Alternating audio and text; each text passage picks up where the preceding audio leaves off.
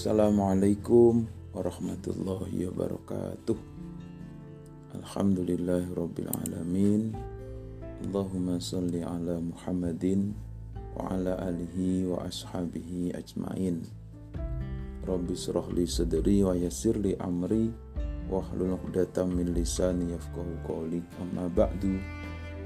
Anakku semuanya kelas 8 Siswa dan siswi kelas 8 pada pertemuan kita kali ini Ustadz akan membahas lagi materi akidah. Materi akidah bab yang pertama yaitu tentang iman kepada kitab Allah. Mari kita awali sebelumnya dengan bersama-sama membaca doa. A'udzu billahi rajim Bismillahirrahmanirrahim. Raditu billahi rabba wa bil islami dina wa bi muhammadin nabiyya wa rasula. Rabbi zidni ilma warzuqni fahma. Allahumma inni as'aluka ilman nafi'a tayyiba wa amalan mutaqabbala amin semoga Allah kabulkan doa kita memudahkan kita dalam belajar dan menjadikan ilmu yang kita pelajari bermanfaat dalam hidup kita. Karena semuanya Alhamdulillah semuanya tampak insya Allah dalam ke dalam keadaan sehat walafiat ya. Keadaan sehat dan tetap semangat ya. Karena memang modal yang penting untuk selalu kita jaga adalah semangat. Belajar semangat mengaji semangat ibadah semangat. Kalau kita selalu semangat maka badan kita akan selalu sehat. Tapi kalau tidak ada semangat lawan dari semangat ya bisa malas, bisa menunda-nunda. Itu maka kita akan menjadi ya berat untuk melaksanakan tugas, untuk mengikuti pelajaran, untuk menjalankan ibadah itu menjadi terasa berat. Ya, sehingga bisa menjadikan badan sakit ya. Orang yang mengikuti malas, suka menunda-nunda, hilang semangat, itu imunitas tubuhnya, ya ketahanan tubuhnya menjadi lemah berkurang. Anak-anak semuanya selalu jaga imunitas kita, ketahanan tubuh kita dengan selalu semangat, gembira, semangat, belajar di rumah, dengan melaksanakan tugas di rumah, dengan meningkatkan ibadah di rumah, selalu jaga semangatnya. Semangat maka kita akan selalu sehat? Dan bukan hanya sehat tapi sehat walafiat. Itu untuk pengantar sebelum kita mulai pelajaran Ustadz sampaikan untuk mengingatkan semuanya saja. Mari kita mulai uh, membahas kembali tentang iman kepada kitab Allah Subhanahu wa taala. Masih ingat ya ini rukun iman yang keberapa? Nah, rukun iman yang ke berapa? Masih ingat? Ketiga ya. Amantu billah wa malaikatihi wa kutubihi wa rusulihi wal yaumil akhir wa bil qadari khairihi wa syarrihi. Yang pertama iman kepada Allah, dua kepada malaikat, tiga kepada kitab-kitab yang Allah turunkan kepada nabi dan rasulnya. Empat iman kepada nabi dan rasul, lima iman kepada hari akhir dan yang keenam kepada kodok dan qadar. Kita sekarang masuk pada rukun iman yang ketiga yaitu iman kepada kitab Allah Subhanahu wa taala. Ya. Berikutnya mengulang kembali kita juga dalil nakli ya, dalil nakli tentang iman kepada kitab Allah. Mari kita baca bersama dibuka Al-Qur'annya diikuti dengan sebaik-baiknya ya, di surat An-Nisa ayat 136. A'udzu billahi minasyaitonir rajim.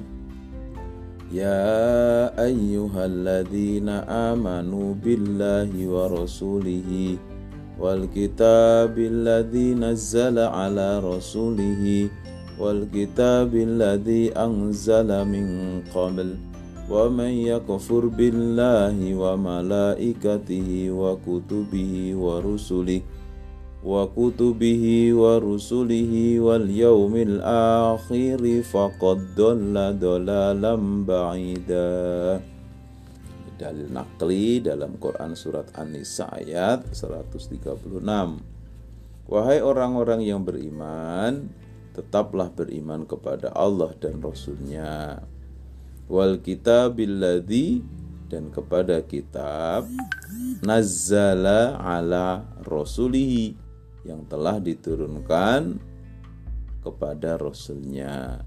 Wal kitabilladzi anzala min qabl serta kitab yang Allah turunkan sebelumnya. Wa may yakfur billah wa malaikatihi wa kutubihi wa rusulihi barang siapa yang kafir kepada Allah ingkar ya tidak mempercayai kitab Allah, Rasul Allah, keimanan kepada Allah, malaikat Allah. Jadi wa may yakfur billah wa malaikatihi wa kutubihi wa rusulihi wal yaumil akhir. Jadi sampai ditegaskan dengan menyebutkan rukun-rukun iman itu diingkari, tidak percaya atau kafir. Fakot dola dola ba'ida maka sungguh orang itu telah tersesat sangat jauh. Dengan mengingkari salah satu rukun iman, termasuk di dalamnya ingkar kepada kitab Allah itu telah menjadikan seseorang tersesat sangat jauh. Fakot dola dola lam itu dalilnya di Quran surat An-Nisa ayat 136.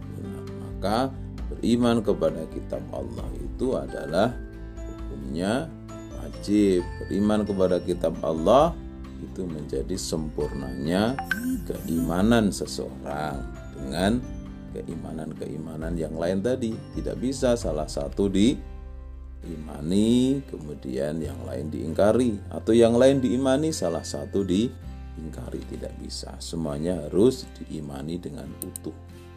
Nah, hadis kita ulang tentang pengertian iman. Al imanu ya antuk minabillah malaikatihi wa kutubihi wa rusulihi wal yaumil akhir wa tu'mina bil qadri khairihi wa syari'i. Hadis riwayat Muslim ya. Itu juga pengertian dari iman secara lengkap iman kepada Allah, malaikat Allah, kitab Allah, rasul Allah, hari akhir dan juga kepada takdir. Kodok dan kodar. Ya, takdir atau kodok baik dan buruk. Itu kita imani semuanya. Nah, nak, berikutnya iman kepada kitab Allah itu tingkatannya ada tiga. Iman kepada kitab Allah tingkatannya ada tiga. Nih, disimak, diikuti benar, bisa sambil dicatat ini karena kita tidak bisa langsung ketemu. Kemudian Ustadz menjelaskan langsung kepada Anda semuanya. Maka ya caranya dengan disimak, dibaca ulang-ulang dan dicatat. Iman kepada kitab Allah itu tingkatan yang pertama diyakini dalam hati.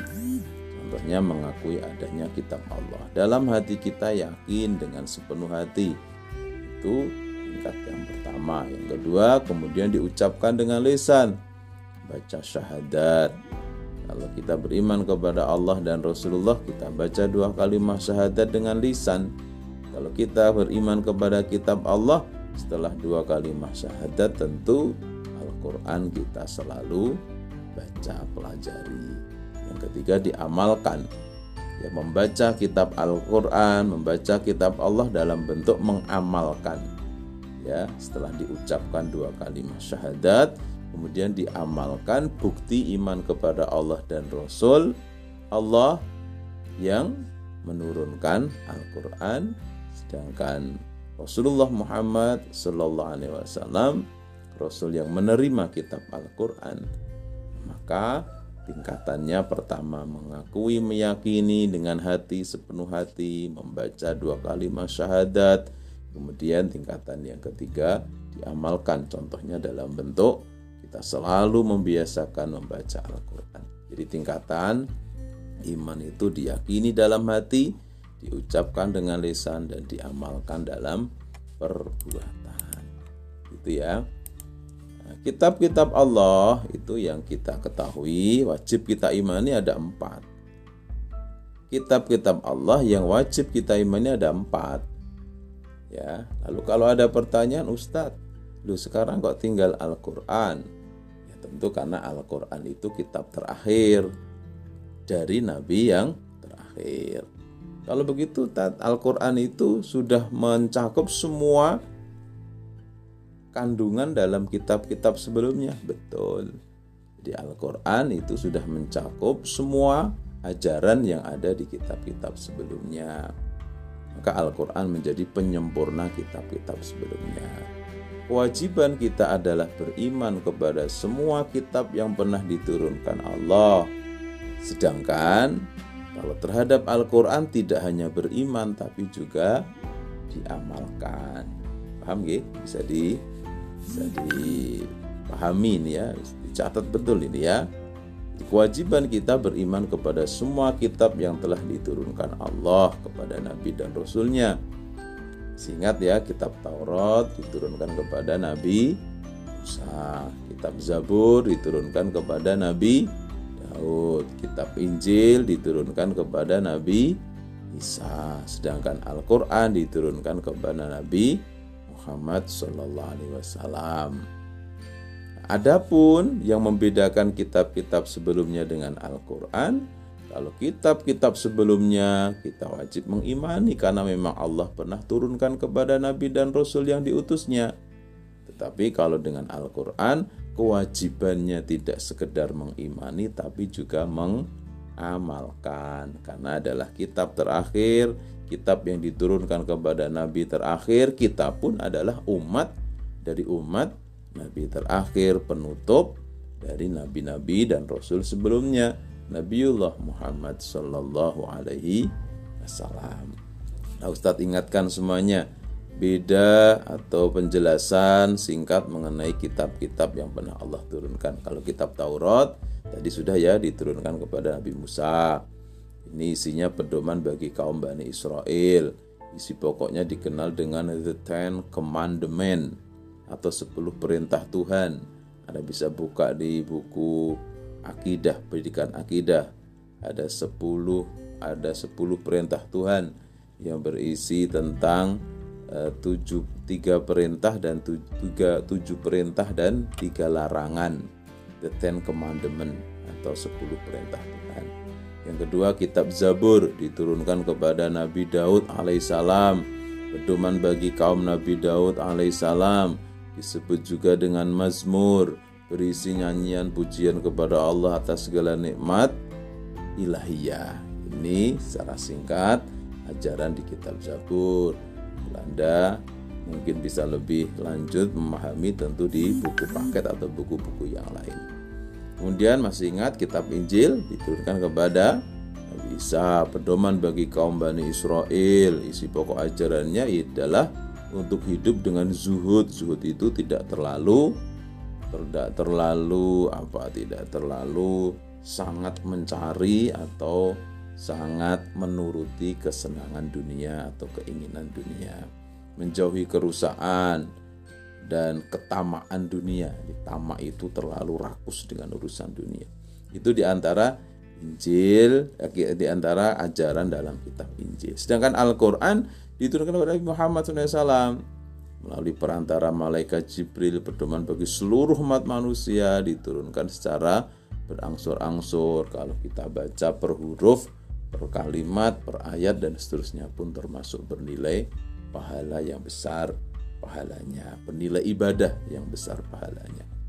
Itu anak-anak kitab-kitab Allah dengan kandungannya dan ajaran yang ada di dalamnya. Sekali lagi, yang Ustadz ulangi untuk Anda catat, perhatikan yang membedakan kitab-kitab sebelumnya dengan kitab Al-Quran.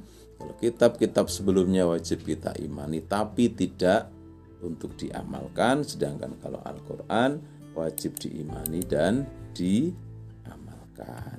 Paham ya sampai di sini? Ya, saya kira cukup jelas Ustadz sampaikan.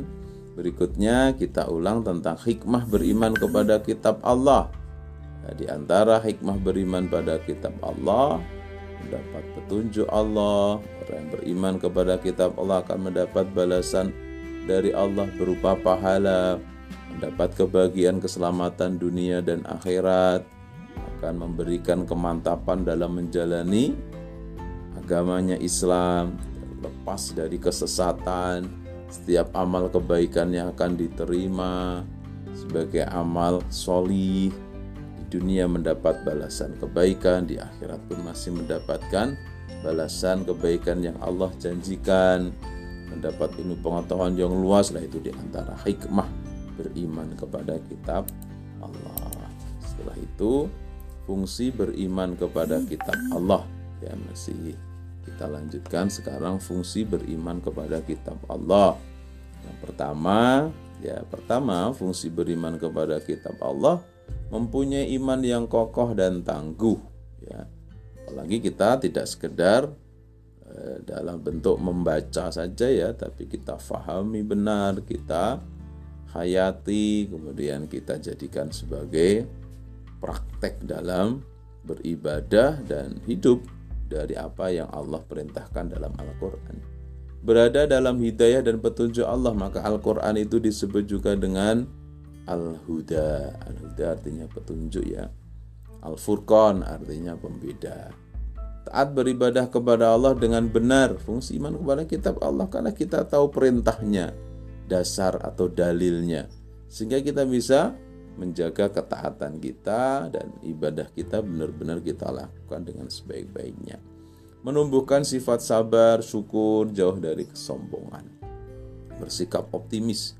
Beriman kepada kita Allah itu akan menumbuhkan optimisme, ya, keyakinan yang kuat, ya, keyakinan yang kuat dengan tujuan yang kita inginkan, dengan usaha yang kita lakukan. Nah, kita optimis karena dengan beriman kepada kitab Allah tentu di situ kita akan mendapatkan pelajaran, ilmu pengetahuan, apa petunjuk, bimbingan hidup yang memang sesuai dengan perintah Allah Subhanahu wa taala. Itulah yang kemudian menjadikan dasar kita melakukan usaha dengan sungguh-sungguh, beribadah dengan sungguh-sungguh. Ya, optimisme itu selalu terbangun dalam diri kita. Tuh selanjutnya nah, perbedaan nanti Anda akan sampai pada istilah kitab dan suhuf. Apa perbedaan antara kitab dan suhuf? Kitab wahyu yang Allah wahyu dari Allah yang berbentuk kitab atau telah dibukukan itu kitab. Mushaf ya telah dibukukan. Wahyu Allah yang berbentuk kitab yang telah dibukukan. Sedangkan kalau suhuf wahyu Allah yang tertulis di dalam lembaran-lembaran kertas, pelepah kurma, tulang-tulang. Jadi masih belum dikumpulkan. Masih terpisah-pisah. Itu yang membedakan antara kitab dan suhuf. Kalau kitab sudah dibukukan, kalau suhuf masih terpisah-pisah. Suhuf itu lembaran-lembaran yang terpisah dari firman-firman Allah atau wahyu yang Allah turunkan kepada Rasulullah. Begitu ya. Inti beriman kepada kitab Allah berikutnya adalah di antaranya Anda bisa lihat di Quran itu surat Al-Baqarah ayat 4 A'udzubillahi minasyaitonirrajim unzila ilaika wa ma unzila min qablik wa bil akhirati hum yuqinun dan mereka yang beriman kepada Al-Qur'an yang diturunkan kepadamu Muhammad dan kitab-kitab yang telah diturunkan sebelum engkau dan mereka yakin akan adanya akhirat wabil akhirati hum yuqinun. Ya di antara inti ya inti iman kepada kitab Allah. Dan isi kandungan kitab Allah itu terdiri dari beberapa. Isi kandungan kitab Allah yang diturunkan kepada rasulnya itu sudah ada semua di dalam Al-Quran. Diturunkan kepada Nabi Daud, yang diturunkan kepada Nabi Musa, kitab Taurat, Nabi Daud, kitab Zabur, Nabi Isa, kitab Injil, semuanya telah tercantum di dalam Al-Quran. Maka tadi Ustadz sampaikan di awal, Al-Quran itu menjadi pelengkap penyempurna dari kitab-kitab sebelumnya. Ajaran atau kandungannya akidah atau keimanan inti ajaran semua kitab untuk mentauhidkan Allah, menyembah kepada Allah ibadah baik ibadah mahdoh maupun khairu mahdoh ya, ibadah yang sifatnya khusus maupun yang umum. Akhlak seorang hamba kepada khalik kepada sama manusia dan alam sekitar. Nah, isi kandungannya yang pertama akidah dua ibadah tiga akhlak empat muamalah itu hubungan manusia dengan manusia. Ada jual beli ada pinjam meminjam ada saling tolong menolong. Itu di Al-Quran pun ada ayat yang menyatakan ya wa'ad dan wa'id janji dan ancaman. Janji ancaman itu juga isi di dalam Al-Quran. Janji Allah bagi orang yang beriman dan beramal soleh adalah tempatnya di surga. Ancaman yang disebutkan di Al-Quran juga bagi orang yang ingkar orang yang kafir dia berbuat apa? Dia berbuat dosa maksiat dia melanggar aturan Allah pun ada ancamannya tentu balasannya adalah bisa berupa azab siksaan di neraka. Kisah-kisah Nabi dan Rasul orang yang soleh dan orang yang ingkar. Kisah Nabi Nuh, kisah Nabi Hud, kisah Nabi Musa, kisah Nabi Sulaiman. Ada kisah-kisah Nabi dan Rasul dan orang-orang soleh. Kisahnya Luqmanul Hakim.